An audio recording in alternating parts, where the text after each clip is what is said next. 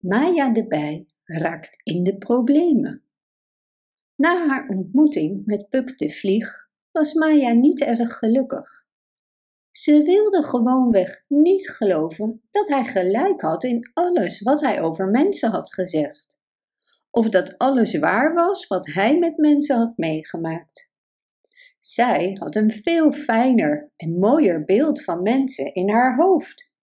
Ze wilde niet dat dat beeld zou veranderen door allerlei belachelijke ideeën over de mensheid te geloven.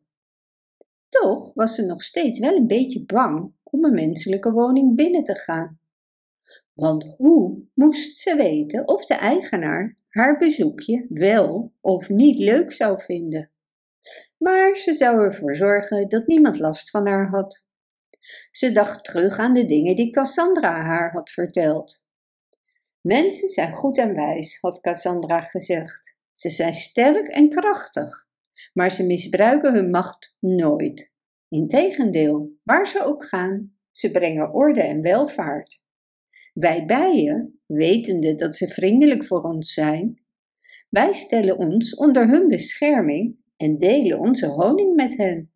En ze laten genoeg over voor ons voor de winter. Ze bieden ons beschutting tegen de kou en beschermen ons tegen andere vijandige dieren. Er zijn maar weinig wezens in de wereld die zo'n vriendschapsrelatie met mensen zijn aangegaan en vrijwillig voor de mens werken. Onder de insecten wordt vaak veel kwaad over de mens gesproken. Luister niet naar hen. Als een bijenstad ooit zo dwaas is om terug te keren naar het wild en probeert het zonder mensen te stellen, vergaat de stad al snel. Er zijn te veel beesten die hunkeren naar onze honing. En vaak wordt een hele bijenstad, al haar gebouwen en al haar inwoners, meedogenloos verwoest. Een zinloze daad, alleen maar omdat een dier aan zijn honger naar honing wil voldoen. Dat had Cassandra Maya over mensen verteld. En totdat Maya zichzelf van het tegendeel had overtuigd, wilde ze dit geloof in de mens behouden. Het was nu middag. De zon zakte achter de fruitbomen in de grote moestuin waar Maya doorheen vloog. De bomen waren al lang niet meer in bloei, maar de kleine bij herinnerde zich nog steeds de stralende pracht van talloze bloesems. De heerlijke geur, de glans en de glinstering. Oh, ze zou nooit vergeten hoe mooi dat was. En terwijl ze vloog, dacht ze eraan hoe al die schoonheid in het voorjaar weer terug zou komen en haar hart klopte van verrukking en blijdschap dat zij in zo'n mooie grote wereld mocht rondvliegen. Aan het einde van de tuin bloeide de jasmijn met grote pluimen. De bloemen hadden gele gezichtjes met een krans van puur wit. En ze roken heerlijk zoet toen Maya op een zacht briesje langs zweefde. En stonden er niet nog wat bomen in bloei? Was het niet het seizoen voor linden? Maya dacht opgetogen aan de grote statige lindenbomen, waarvan de toppen de rode gloed van de ondergaande zon tot het laatst vasthielden. Ze vloog tussen de stengels van de braamstruiken door, die tegelijkertijd groene bessen voortbrachten en bloesems gaven. Maar toen ze weer opsteeg om verder te vliegen, viel er plotseling iets vreemds op haar voorhoofd en schouders. En het bedekte haar ook razendsnel, zelfs haar vleugels. Het was de vreemdste sensatie ooit, alsof haar vleugels kreupel waren en ze plotseling in haar vlucht werd tegengehouden en zij hulpeloos naar beneden viel. Een onzichtbare, kwaadaardige kracht leek haar volsprieten, haar benen en haar vleugels vast te houden, maar ze viel niet. Hoewel ze haar vleugels niet meer kon bewegen, hing ze nog steeds wiegend in de lucht.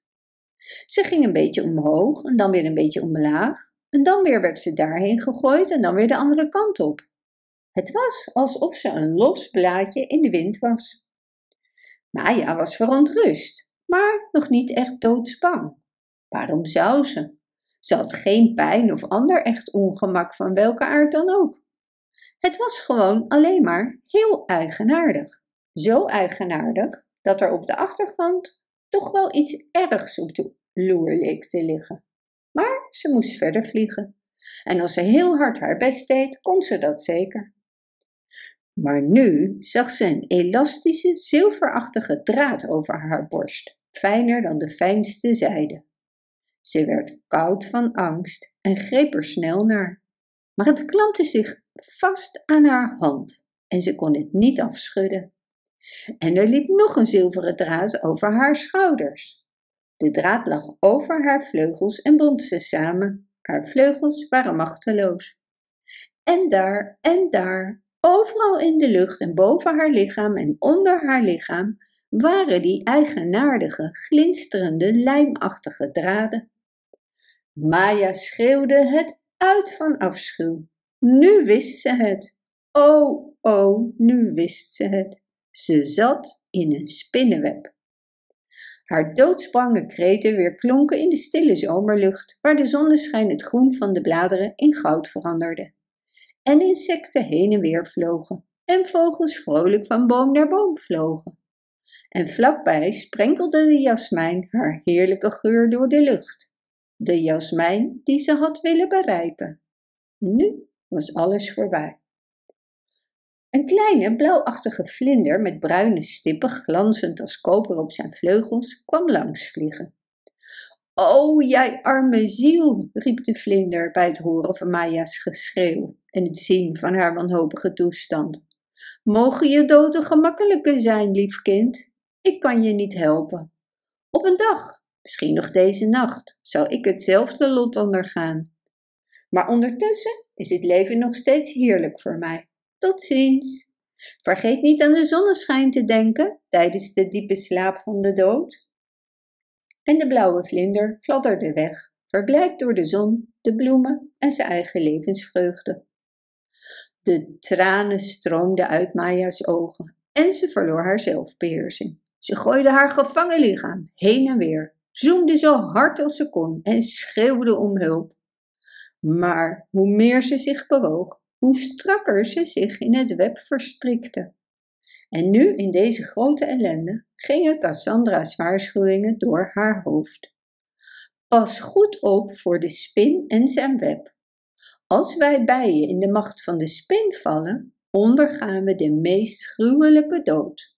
De spin is harteloos en sluw. En als hij eenmaal iemand in zijn web heeft, laat hij hem nooit meer los. In haar doodsangst deed Maya nog een wanhopige poging om los te komen. En ergens knapte een van de lange, zwaardere draden. Maya voelde het breken, maar tegelijkertijd voelde ze het vreselijke spinnenweb overal. Dat is hoe een spinnenweb werkt. Hoe meer men erin worstelt, hoe effectiever en gevaarlijker het wordt. Dus ze gaf het op, volledig uitgeput. Op dat moment zag ze de spin zelf, heel dichtbij, onder een braamblad. En bij het zien van het grote monster, stil en serieus, en gehurkt alsof het klaar was om toe te slaan, werd Maya's afschuw nog groter. De boosaardige, glanzende ogen keken met koelbloedig geduld naar de kleine bij. Maya luide, slaakte een luide kreet van schrik. Dit was het ergste van alles. De dood zelf kon er niet slechter uitzien dan dat grijze, harige monster, met haar gemene hoektanden en de opgeheven benen onder haar dikke lichaam. De spin zou op haar afkomen rennen en dan zou alles voorbij zijn. Opeens werd Maya vreselijk woedend, erger dan ooit. En ze vergat haar enorme doodsangst en richtte zich slechts op één ding, namelijk haar leven zo duur mogelijk verkopen. Ze slaakte een harde, duidelijke, alarmerende strijdkreet die alle beesten kende en vreesde. Je zult voor je sluwheid boeten met de dood, schreeuwde ze tegen de spin. Kom maar en probeer me maar te vermoorden. Doe dan. Je zult nog eens ontdekken wat een bij kan doen. De spin gaf geen krimp. Ze had wel grotere wezens bang gemaakt dan de kleine Maya. Sterk in haar woede deed Maya nu opnieuw een gewelddadige, wanhopige poging om los te komen en een van de lange ophangdraden boven haar brak. Het web was waarschijnlijk bedoeld voor vliegen en muggen en niet voor zulke grote insecten als bijen.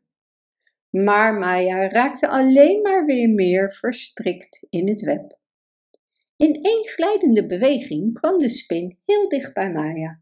Ze zwaaide haar behendige benen om een enkele draad en hing met haar lichaam recht naar beneden.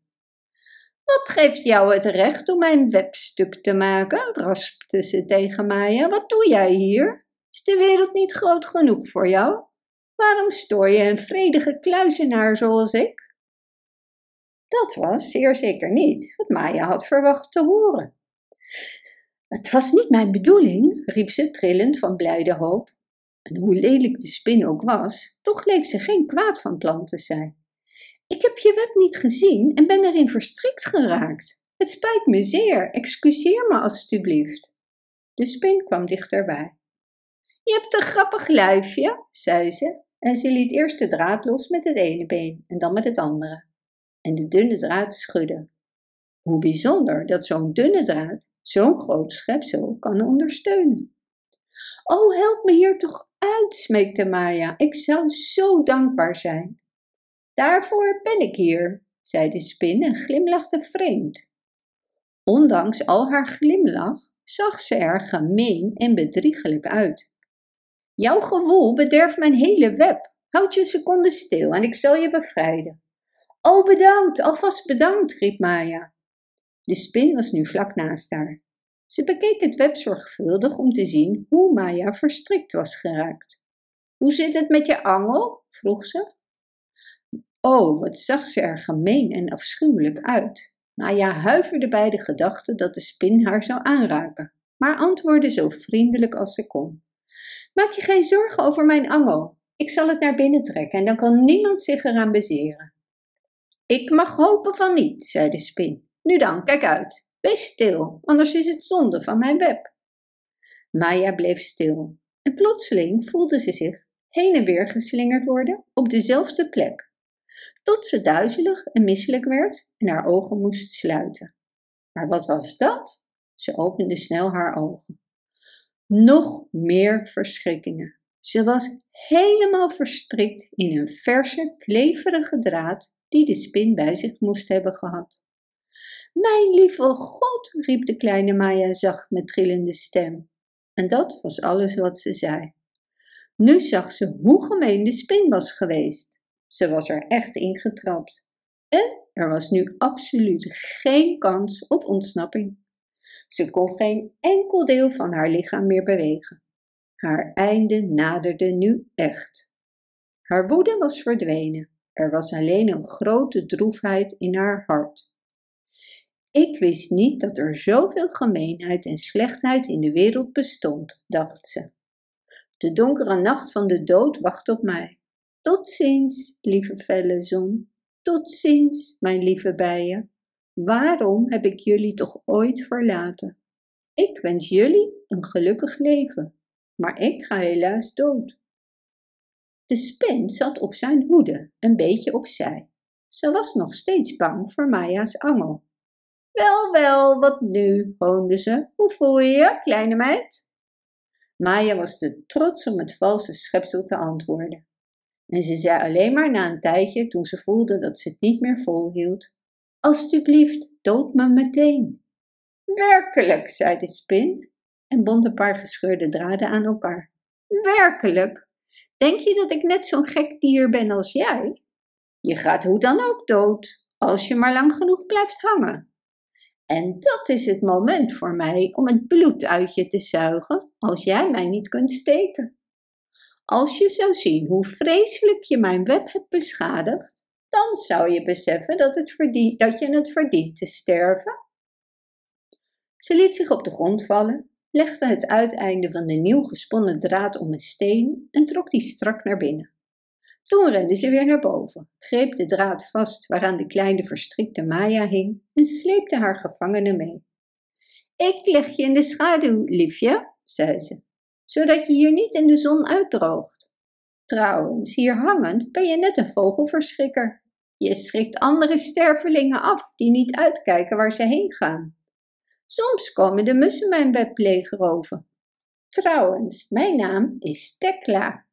Ik ben familie van kruisspinnen. Je hoeft me jouw naam niet te vertellen. Het maakt toch geen verschil. Je bent een lekkere, dikke bij en je zult heerlijk mals en sappig smaken. Dus daar hing de kleine Maya in de schaduw van de braamstruik dicht bij de grond, volledig overgeleverd aan de genade van de vrede spin die haar wilde laten sterven door een langzame hongerdood. Met haar hoofdje naar beneden hangend, een angstige positie om in te zijn, had ze al snel het gevoel dat het niet veel meer minuten zou duren. Ze jammerde zacht en haar hulpgeroep werd zwakker en zwakker. En wie kon haar nog horen? Haar bijenvolk wist niets van deze ramp, dus ze konden haar niet te hulp schieten. Plotseling hoorde ze beneden in het gras iemand grommen. Maak plaats, ik kom eraan. Maya's hart begon stormachtig te kloppen. Ze herkende de stem van Bobby, de mestkever. Bobby, riep ze zo hard als ze kon. Bobby, lieve Bobby. Maak plaats, ik kom eraan. Maar ik sta je niet in de weg, Bobby, riep Maya. Nee, ik hang boven je hoofd. De spin heeft me gevangen. Wie ben jij? vroeg Bobby.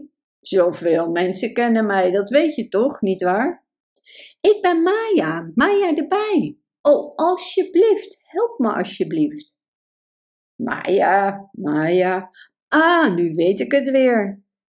Jij hebt mij enkele weken geleden leren kennen.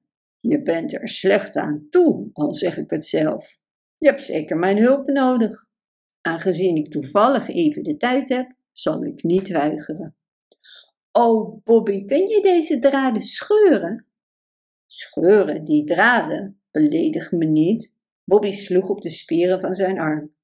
Kijk, spieren, hard als staal. Ik kan veel meer dan een paar spinnenwebben kapot slaan. Je zult eens zien. Bobby kroop op het blad, greep de draad waaraan Maya hing, klampte zich eraan vast en liet toen het blad los. De draad brak en ze vielen allebei op de grond.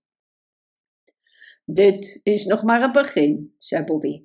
Maar Maya, je beeft. Mijn lieve kind, wat ben je bleek. Wie zou er nu zo bang zijn voor de dood? Je moet de dood rustig in de ogen kijken, net als ik. Dus ik zou eruit halen nu.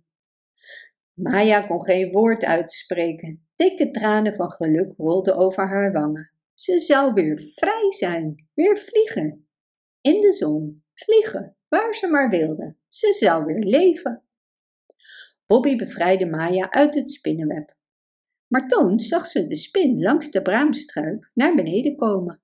Bobby, schreeuwde ze, de spin komt eraan. Bobby ging onverstoorbaar verder en lachte alleen maar in zichzelf.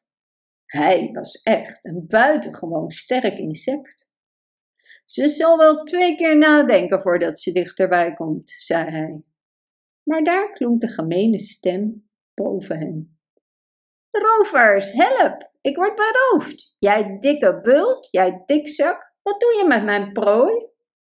Maakte zich niet druk, mevrouw, zei Bobby. Ik heb toch het recht om met mijn vriendin te praten? Als je nog een woord zegt wat mij niet bevalt, scheur ik je hele web aan flarden. Nu, zeg eens, waarom ben je ineens zo stil? Ik ben verslagen, zei de spin. Je kunt nu maar beter weggaan hier, merkte Bobby op.